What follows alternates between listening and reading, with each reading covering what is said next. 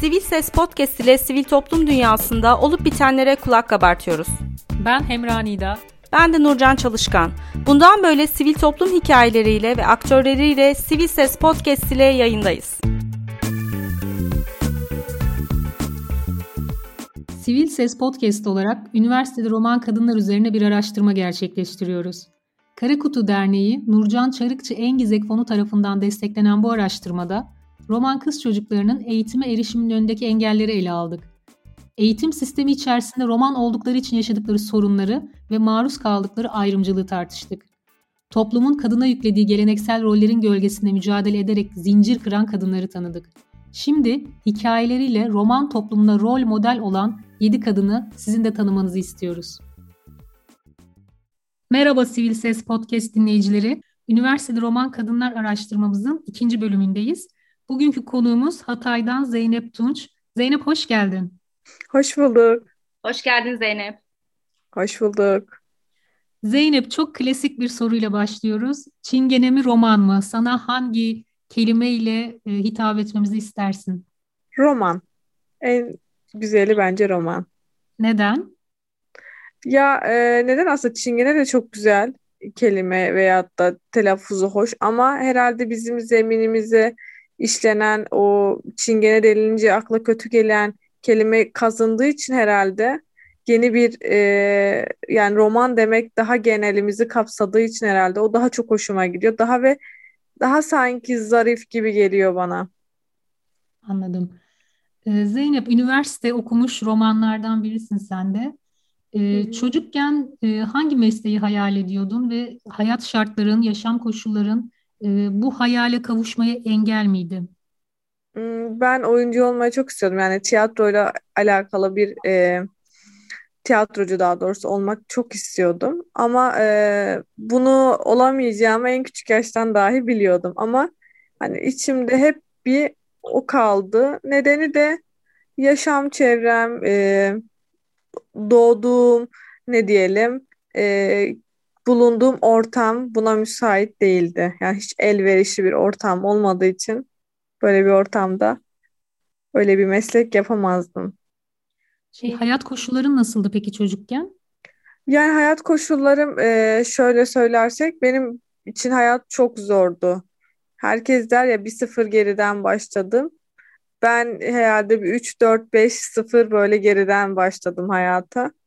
O yüzden benim için en zor dönem diye hitap edersek şu an e, çocukluk dönemim çok zor bir dönemdi benim için.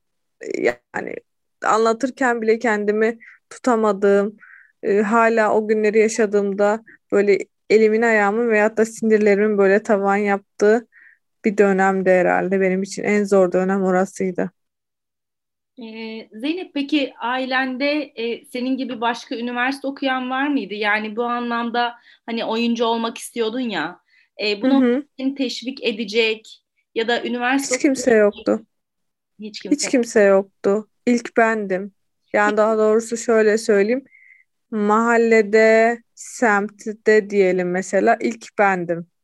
Peki neydi seni O o yüzden iten o güç? O kadar e, hani yoksulluğun ve yokluğun içinde e, sana bu azmi veren şey neydi? Üniversite okumaya iten güç neydi?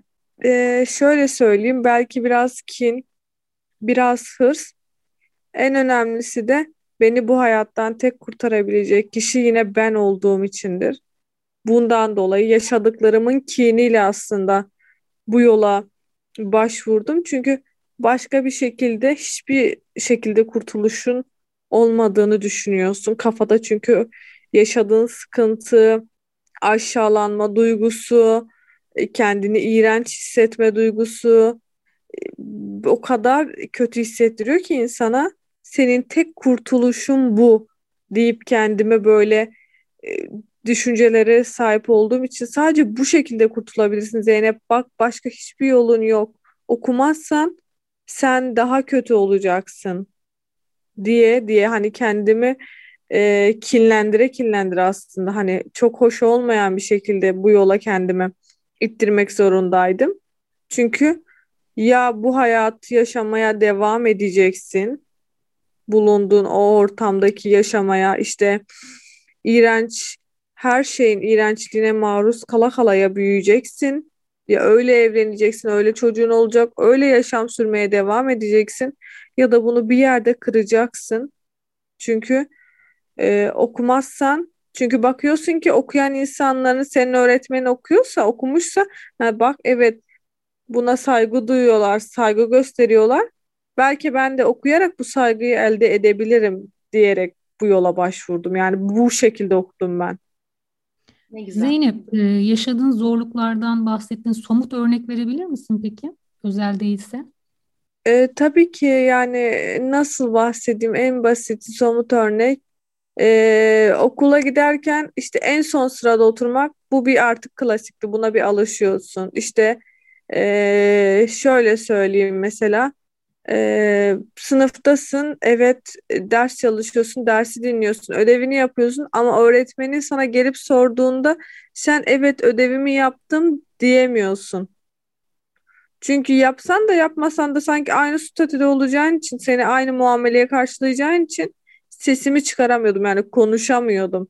Yaptım diyemeyecek kadar içine kapanık e, ve şey bir çocuktuk. E, yani aciz diyelim. O kadar derecede kötü bir çocukluk ve kötü bir eğitim geçirdiğim için zaten okumayı bilmeyen, çok geç okumayı öğrenen bir öğrenciydim. Bu yüzden ödevimi çok iyi yaptım hatırlıyorum. Böyle takvim yapraklarından işte ödevimin e, konusuyla ilgili konu bulup onu dosyaya, dosyaya cep dosyama koymuştu filan. Ama hatırlıyorum ki öğretmenime evet yaptım diyemediğim için tahtada bana cetvelle vurduğunu çok iyi hatırlıyorum. Şimdi Zeynep bu çocukluk dönemindeki eğitim hayatına tekrar döneceğiz ama konumuz üniversite olduğu için e, üniversite evet. yıllarından bahsetmeni istesem. Üniversite yılların peki nasıl geçti? O yıllarda roman kimliğine barışık mıydın mesela? Yok hayır barışık değildim. Bunu e, tüm samimiyetiyle söylüyorum. Çünkü o zamana kadar barışık olmama, olmak istemesem de mecburi bir şekilde barışık olduğum için yani o ortamda yaşadığım için bu biliniyordum. Bilindiğim için maruz kaldığım şeylerden dolayı üniversitede asla bunu söylemedim. Asla bunu zikretmedim ya da bunun e, hani kendimize kalıbımıza olan davranışları sergilememek için çok çok çok kendimi kastığım zamanlar oldu. O yüzden üniversite zamanım çok güzeldi benim için. Hayatımın dönüm noktasıydı. Diyebilirim ki e, ömrümün en güzel yıllarıydı. E, peki e, söylememe gerekçen e, bir ayrımcılığa maruz kalacağını düşündüğün için miydi? Ya da e, yine o yıllarda hani keşke roman olmasaydım, neden ben romanım dediğin e, ve öyle bir isyan dönemi yaşadığın bir süreçten geçtin mi? Evet şimdi nasıl neden roman değilim? Ben roman olduğumdan çok memnunum. Gurur da duyuyorum buna. Ama nedeni şu. Ben e, lise sona kadar yaşadığım sıkıntının, işte dışlanmanın, ben liseye kadar hiçbir arkadaşım olmadı. Arkadaşsız büyüdüm ben. Bu nedenle hani belki üniversiteye de gidersem bunu da söylersem orada da arkadaşım olmaz. Kimse benimle konuşmaz. İşte e, pis muamele görürsün. İşte kendini çirkin muamelesi yaşarsın. İşte pistir bunlar, kirlidir bunlar. İşte bunlar hırsızdır, bunlar şudur. Çünkü yurtta kalıyorsun. Aynı odayı paylaştığın insanlar oluyor. Seni o insanların dışlaması daha kötü. Hadi okuldaydın, ilkokulda, ortaokulda. Okuldaydın, evine geliyordun. Kendi ortamınsın, rahatlıyordun. Ama orada e, hani yurtta da aynı insanlarla kaldığım için eğer e, aynı sıkıntıyı orada da yaşarsam çünkü onlarla da aynı yatakta yatıyorsun yani aynı odada yattığın için e, onların dışlanması daha ağrıma giderdi. Çünkü o zaman okulu bırakıp gelmek zorunda kalırdım. Başka yapacak hiçbir çarem bizim gibi hani maddi durumu ufak insanların ev tutması gibi lüksü yaşayamazdık. O yüzden gizlemek zorunda kaldım. Çünkü aynı şeyleri tekrar yaşamak istemiyordum. Hı hı. Anladım. Peki Zeynep mezun olduktan sonra kimliğinden dolayı ayrımcılıkla karşılaştın mı? Evet. Mezun oldum. Memleketime geri döndüm. Aynı şeyler hiç hani Nereye e, döndün Zeynep? Hatay'a geri döndüm. Ben Kırşehir Üniversitemi okudum. Hatay'a geri döndüm. Hiç dönmek istemedim aslında ama mecburi sebeplerden dolayı işte e, bizim burada olduğu gibi işte Aa, üniversiteyi bitirdi ama hala orada kalıyor. Ne iş yapıyor, ne yapıyor, nerede kalıyor, nasıl yaşıyor filan gibi işte ya da başka amblemler oluşturacakları için ailem buna izin vermedi. Yoksa ben orada kalıp kendi hayatımı düzene sokup bir şekilde hayatımı devam ettirmek istiyordum. Ama ailem buna izin vermedi çünkü benim için hakkımda bin bir türlü şey çıkacaktı. O yüzden hele bir de kız çocuğum olduğum için erkek çocuğu olsam belki bir şekilde kabul ederdi insanlar ama kız çocuğu olduğum için kabul etmediler. Mecburen buraya dönmek zorunda kaldım. Ama ben şöyle söyleyeyim. Ha, roman mısın? Üniversite mi okumuşsun? Yüksek lisans mı yapmışsın? Hiçbir farkın yok. Romansan aynı muameleye devam ediliyor. Hiçbir değişiklik, hiçbir saygınlık ya da bir normal insanlar gibi muamele görürüz diye düşündük ama hiçbir şekilde romansan aynı muameleye devam. Yani en acısı bu benim için olmuştu. Ben dedim ki belki üniversite okudum. Bir şekilde hayata normal insanlar gibi atılabilirim. Hala atılamadım. Şu an üniversite mezunu. İşsizim. Kasiyerlik bile olarak işe başlayamıyorum. Çalışamıyorum. Bu benim için en büyük acı yani.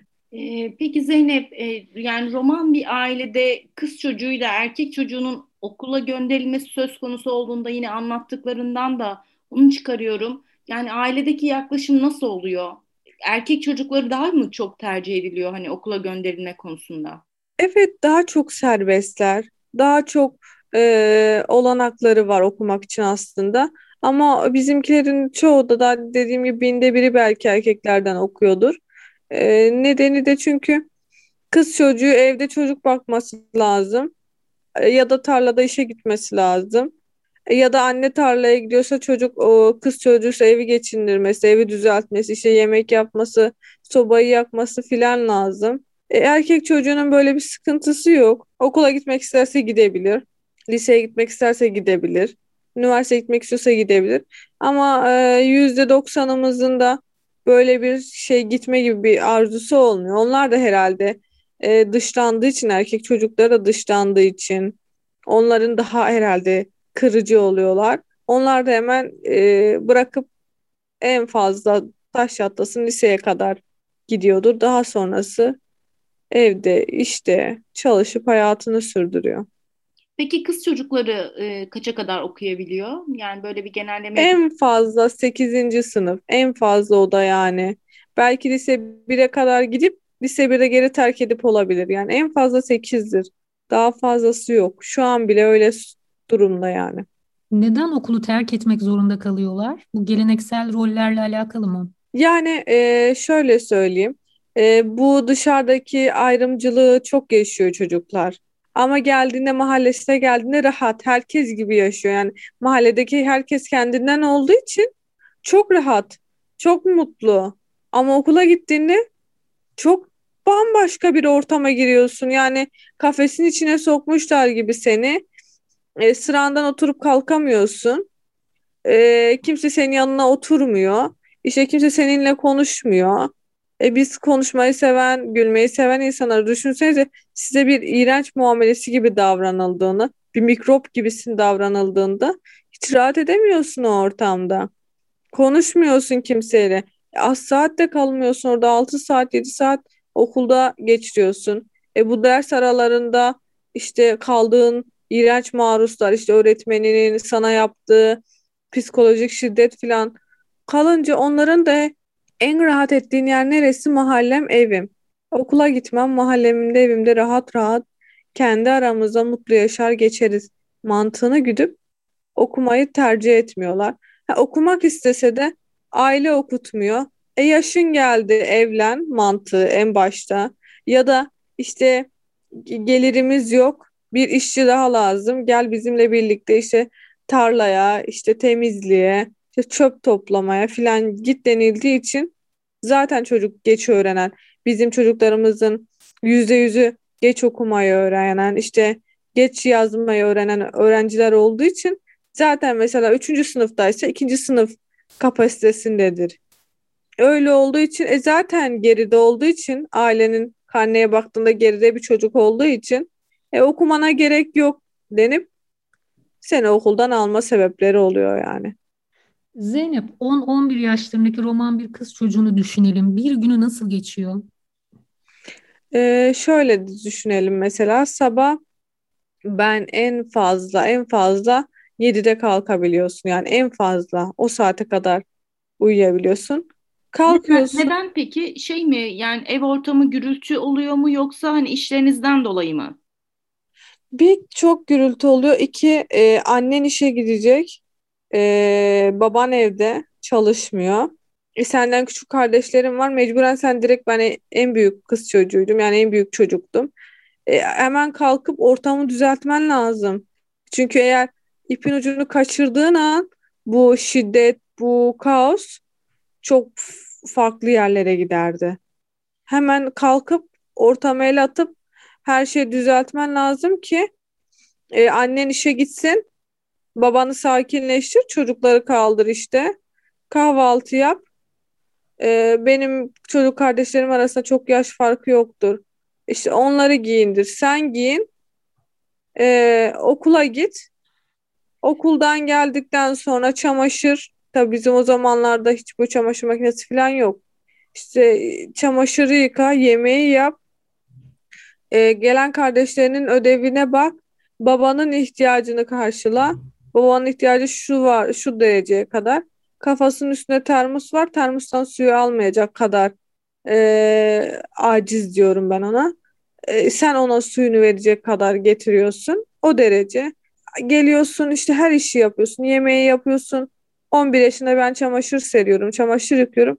İpe boyum yetmediği için sandalyeye çıkıp çamaşır seriyordum. Küçücük çocuktum. Çocuk bakıyordum. İki tane kardeşime bakıyordum. Annen işten geliyor. Aynı sinir, aynı öfkeyle geliyor eve. E, onun çıkınını boşalt, onun çamaşırını yıka. Ona yemek ver. Zaten tekrar bir karanlığa kalıyorsun. Sabah aynı şekilde devam ediyorsun. Bu anlattıkların biraz özel. Bunları genelleyebilir miyiz peki? Yani birçok roman kız çocuğu bunu yaşıyor diyebilir miyiz? E, hepsi yaşıyor. Yani hepsi genelde de şöyle söyleyeyim hepsi aynı şeyi görüyor. Aynı şekilde yaşıyor.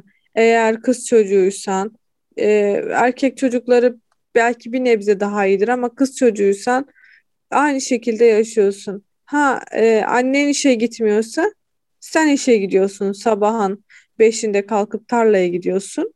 Bu her benim şöyle söyleyebilirim. Biz 10 kızdık mahallede diyelim mesela.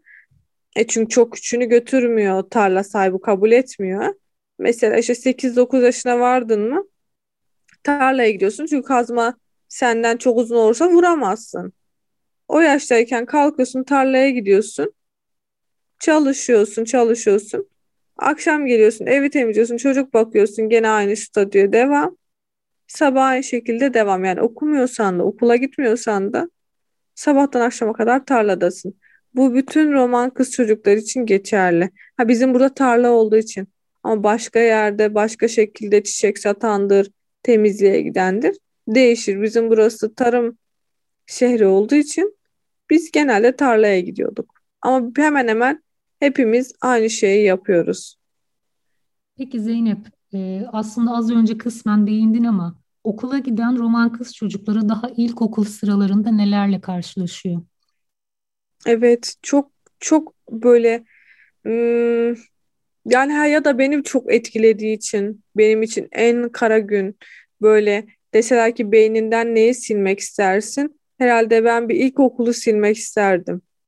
O derece benim için kötü bir zaman. Çünkü gidiyorsun e, sen evde kaoslu bir ortamda yaşadığın için ya da ek bir işe gittiğin için annene yardıma merdiven silmeye ya da çöp toplamaya gittiğin için sen okula zor zor yetişen bir çocuksun. Okula gittiğinde zaten bedenen yorgun olduğun için hocanın verdiği ya da öğretmeninin verdiği bilgiyi tam alamıyorsun. Alamadığın için en tembel öğrenci statüsüne giriyorsun. Ha seni buradan çıkarmak için hiçbir çaba sarf ediliyor mu? Ki bunu hiçbir çaba sarf edilmedi yani. Öyle olduğu için ilk önce bir dışlanıyorsun. Sonra veliler seni kabul etmiyor. Nasıl kabul etmiyor? Şöyle, e bu çalışkan değil, tembel çocuk. Benim çocuğumun yanında oturmasın. E sonra ailen geliyor işte anneni babanı çağırıyorlar. He, anneni babanı çağırdılar. Vay senin roman olduğunu, çingene olduğunu öğrendiler. Çünkü veli toplasında görüyorlar annemi babamı ya da gelenine. Ha tamam. Bunun çingene ise e biz bunu sınıfımızda istemiyoruz. Sırada değil artık sınıfta istemiyorlar. E nedendir? E bu pistir. E bu bitlidir. E bu şudur. E bu budur. İşte bu e, pis kokuyordur. Denilenecek derecede. Ha işte bir şey kaybolsa e bu çalmıştır gibi muamelere maruz kaldığın için yani böyle her şeyi sen senmişsin gibi. En pisi, en kirlisi muamelesine kaldıkları için böyle iğrenç bir sınıf düzeyi, sınıf hayatı geçiriyorlar. Peki Zeynep, yani gerçekten insan e, bu tarz olayların yaşandığını elbette ki biliyoruz ama böyle ilk ağızdan dinleyince gerçekten e, daha kötü hissediyor insan kendini. E, bir de yaşayanın açısından düşününce çok zor gerçekten. E, Zeynep, romanlar e, en temel haklarının farkında mı? E, ya da bu hakların sen de farkında mısın mesela? Ben şöyle söyleyeyim.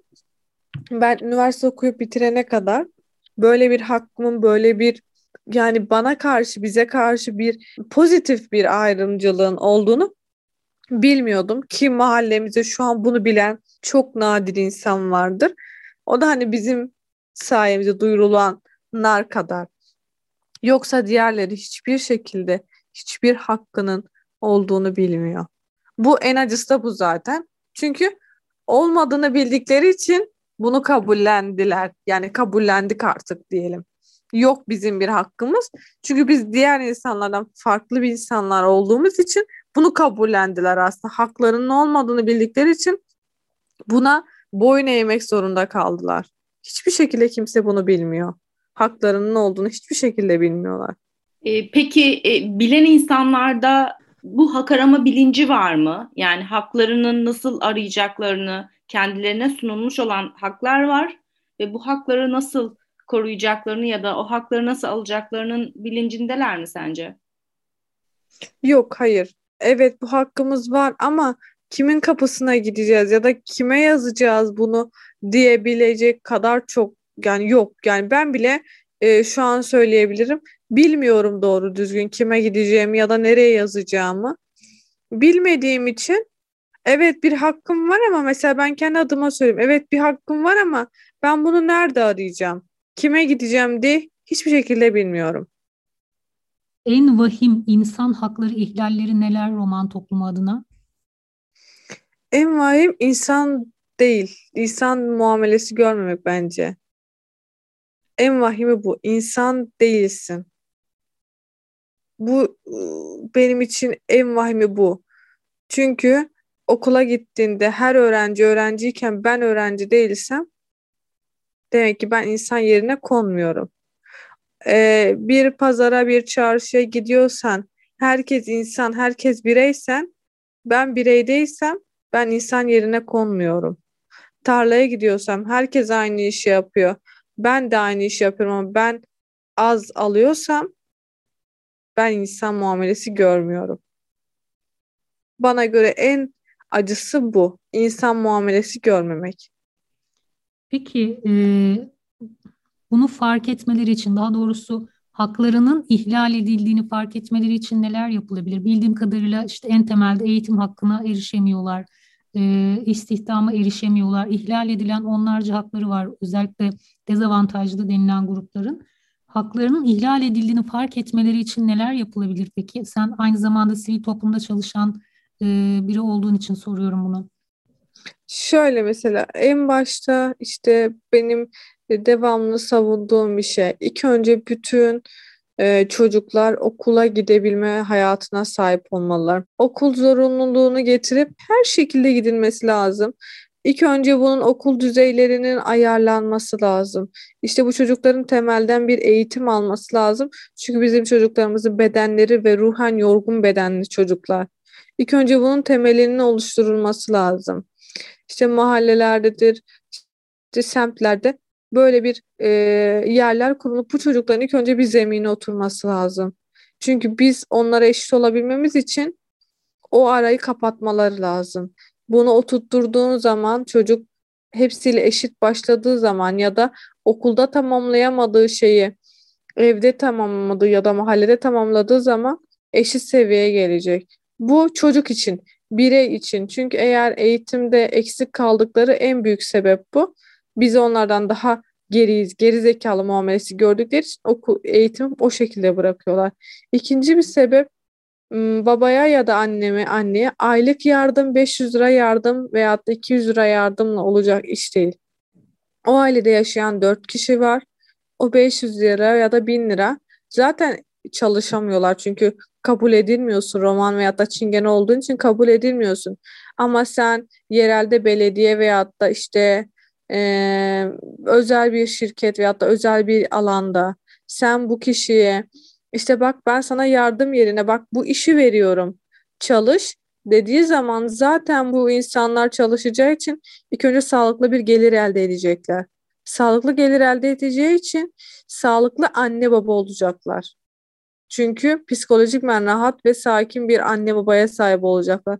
O zaman hem okuyan çocuk çoğalacak, hem okuyan anne baba çoğalacak, daha az şiddetli bir ailede doğan insanlar olacak. Bence en yapılması gereken iki tane benim için kafamda olan şey bunların ikisi. Yani aylık yardımla hiçbir şekilde hiçbir kazan, hiçbir aş evi dönmediği için, yemek olmadığı için ya da kıyafet alamadıkları için e sana geliyorlar işte yılda bir defa Kızılay kıyafet veriyor. E bu yılda bir kıyafetle mi geçinecek bu çocuk? E bu kıyafet hiç mi kirlenmeyecek? Hiç mi yırtılmayacak? E sonra ne olacak? Bu yardımlarla ya da bu evet bu yardımlar da çok güzel. Evet iyi ama hani en azından sağlıklı bir gelirle anne babası olduğu zaman ya da o ailede sadece bir sağlıklı gelire sahip olan insan oldu mu o hayat düzelir zaten. Bu kadarı yeterli bence. Bu kadarı yapılsa çok güzel hayatlar sürer bence. Zeynep ben kız çocuklarının eğitimine geri dönmek istiyorum burada. Roman kız çocuklarının e, sağlıklı bir şekilde eğitim hakkına erişmesi roman toplumunda neleri değiştirir, dönüştürür sence? Her şeyi değiştirir. Çünkü bizim kız çocuklarımız şuna alışmış. Annem bu şekilde büyüdü, bu şekilde ilerledi. Benim de hayatım bu şekilde olacak diye düşünüyor. İşte annem evlendi, çocuğu oldu, babamdan şiddet gördü, dayak yedi, işte küfür yedi, dışarıdaki insanlardan para istedi, yardım istedi. Bunu öğreniyor çocuk. E diyor ki ben de bu şekilde olacağım. Ama çocuk hayır bu hayat farklı olduğunu bilse ya da bunu görse işte bu, bu şekilde daha yaşanır bir hayata sahip olacağını bilse gerçekten hiçbir kız çocuğumuz ya da hiçbir ailemiz bu şekilde e, kötü hayata maruz kalmak zorunda kalmaz.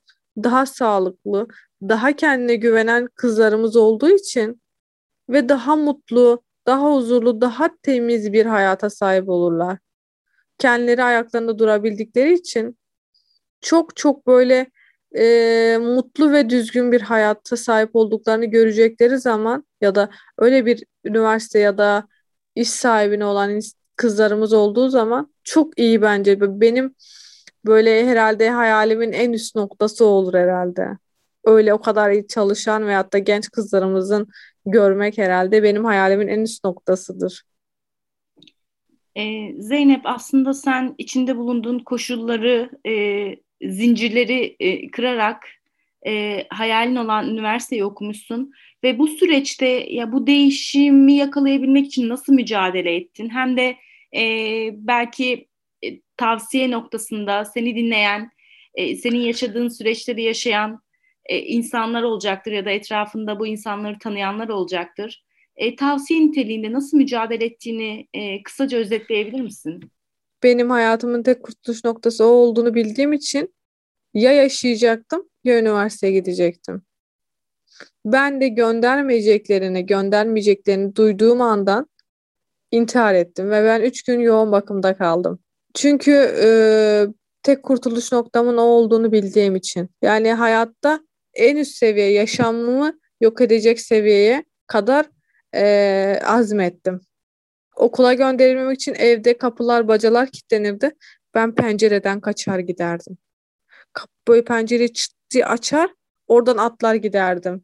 İşte kıyafet giyemezdim mesela. Okul kıyafetimi çantaya koyar oradan kaçar giderdim okulda giyinirdim. E çünkü göndermek istemiyor annem babam. Bu şekilde göndermedikleri için e, kalemim, silgim, defterim olmazdı. İşte komşudan filan giderdim ya akşamları silginiz var mı, kaleminiz var mı gibi böyle ufak ufak isterdim. E çünkü ben okumak istiyorum. Okumak isteyen herkes için de şunu söylüyorum. Sen çabalamadığın sürece kimse senin elinden tutmaz. Sen eğer dereye bir taş atmadığın sürece kimse senin için gidip o dereye bir taş atmaz.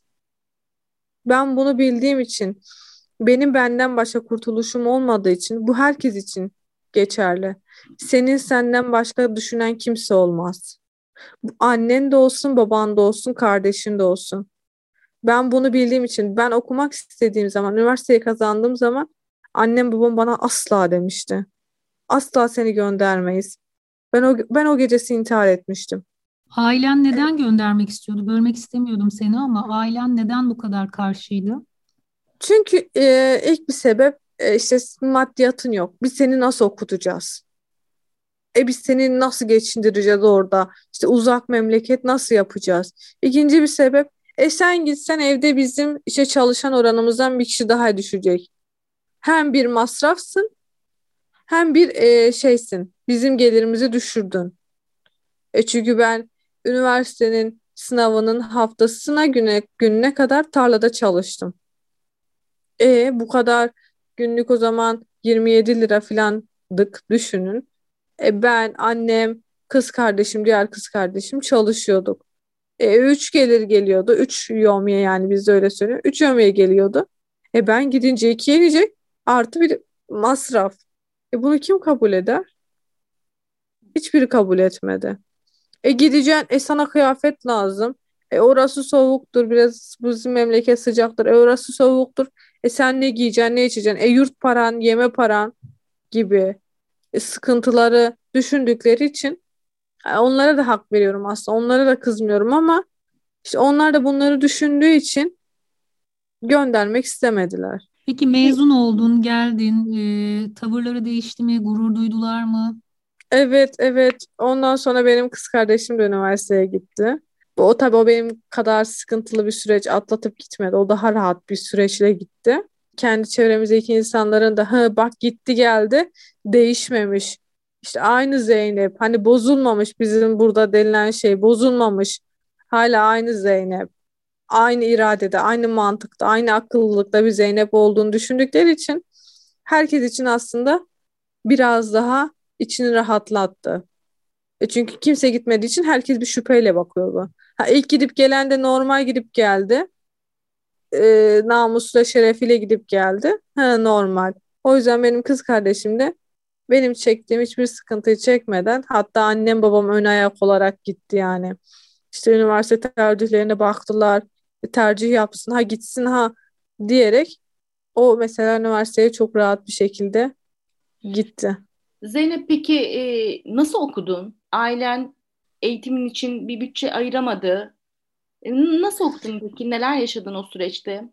Ee, üniversiteye başladığım ilk yıl bir tane züccaciye vardı.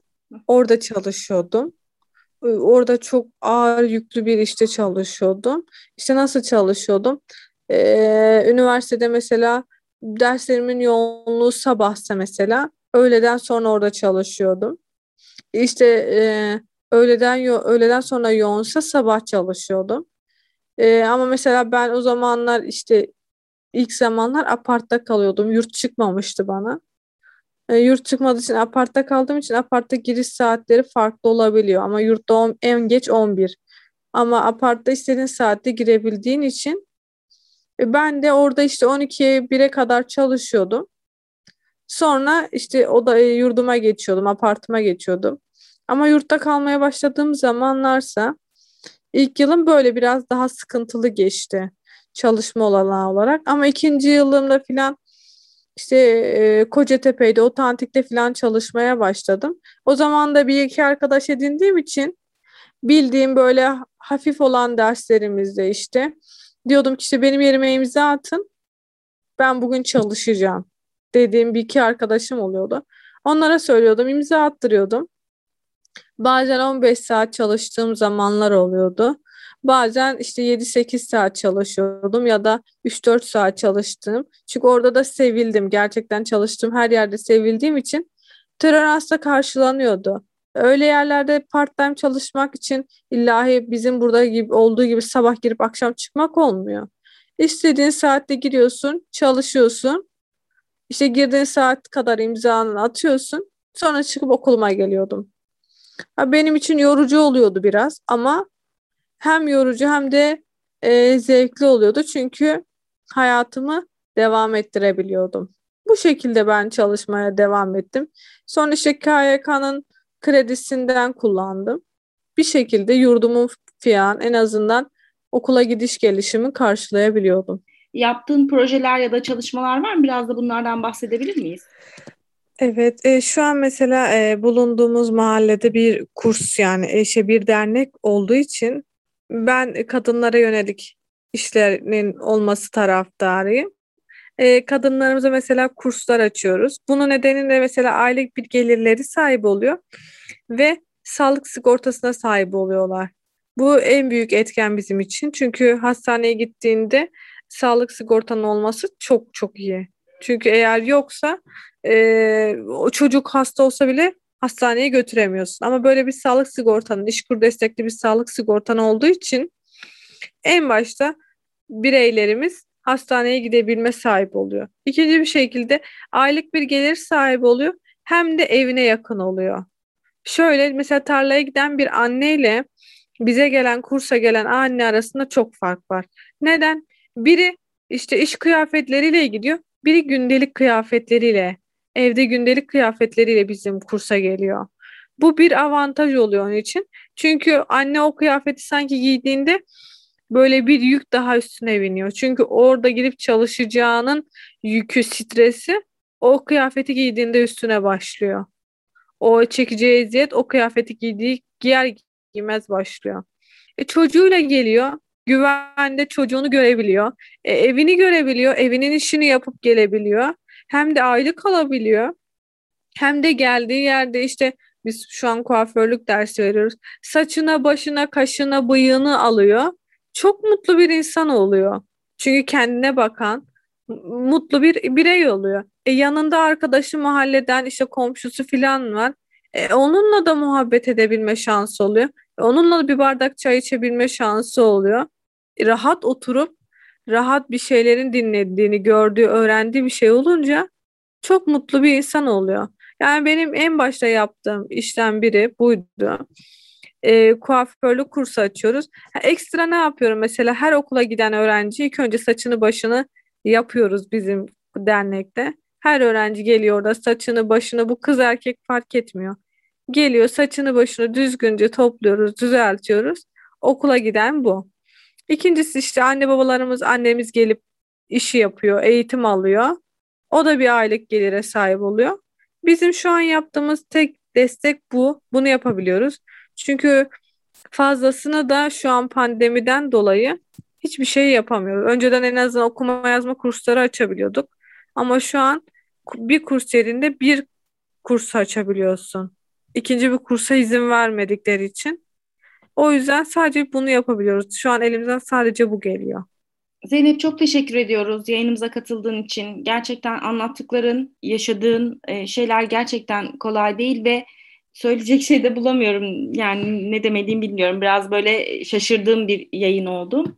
Ee, ben teşekkür ederim. Sizler böyle e, bizlerin sesi olmak için çabaladığınız için aslında bizlerin size çok teşekkür etmesi lazım.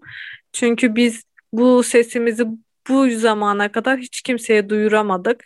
Hiç kimse bizim varlığımızdan haberdar olmadığı için en azından sizler gibi bizi duyan insanlar ya da bizim sesimizi duymak isteyen insanlar olduğu için biz sizlere teşekkür ederiz.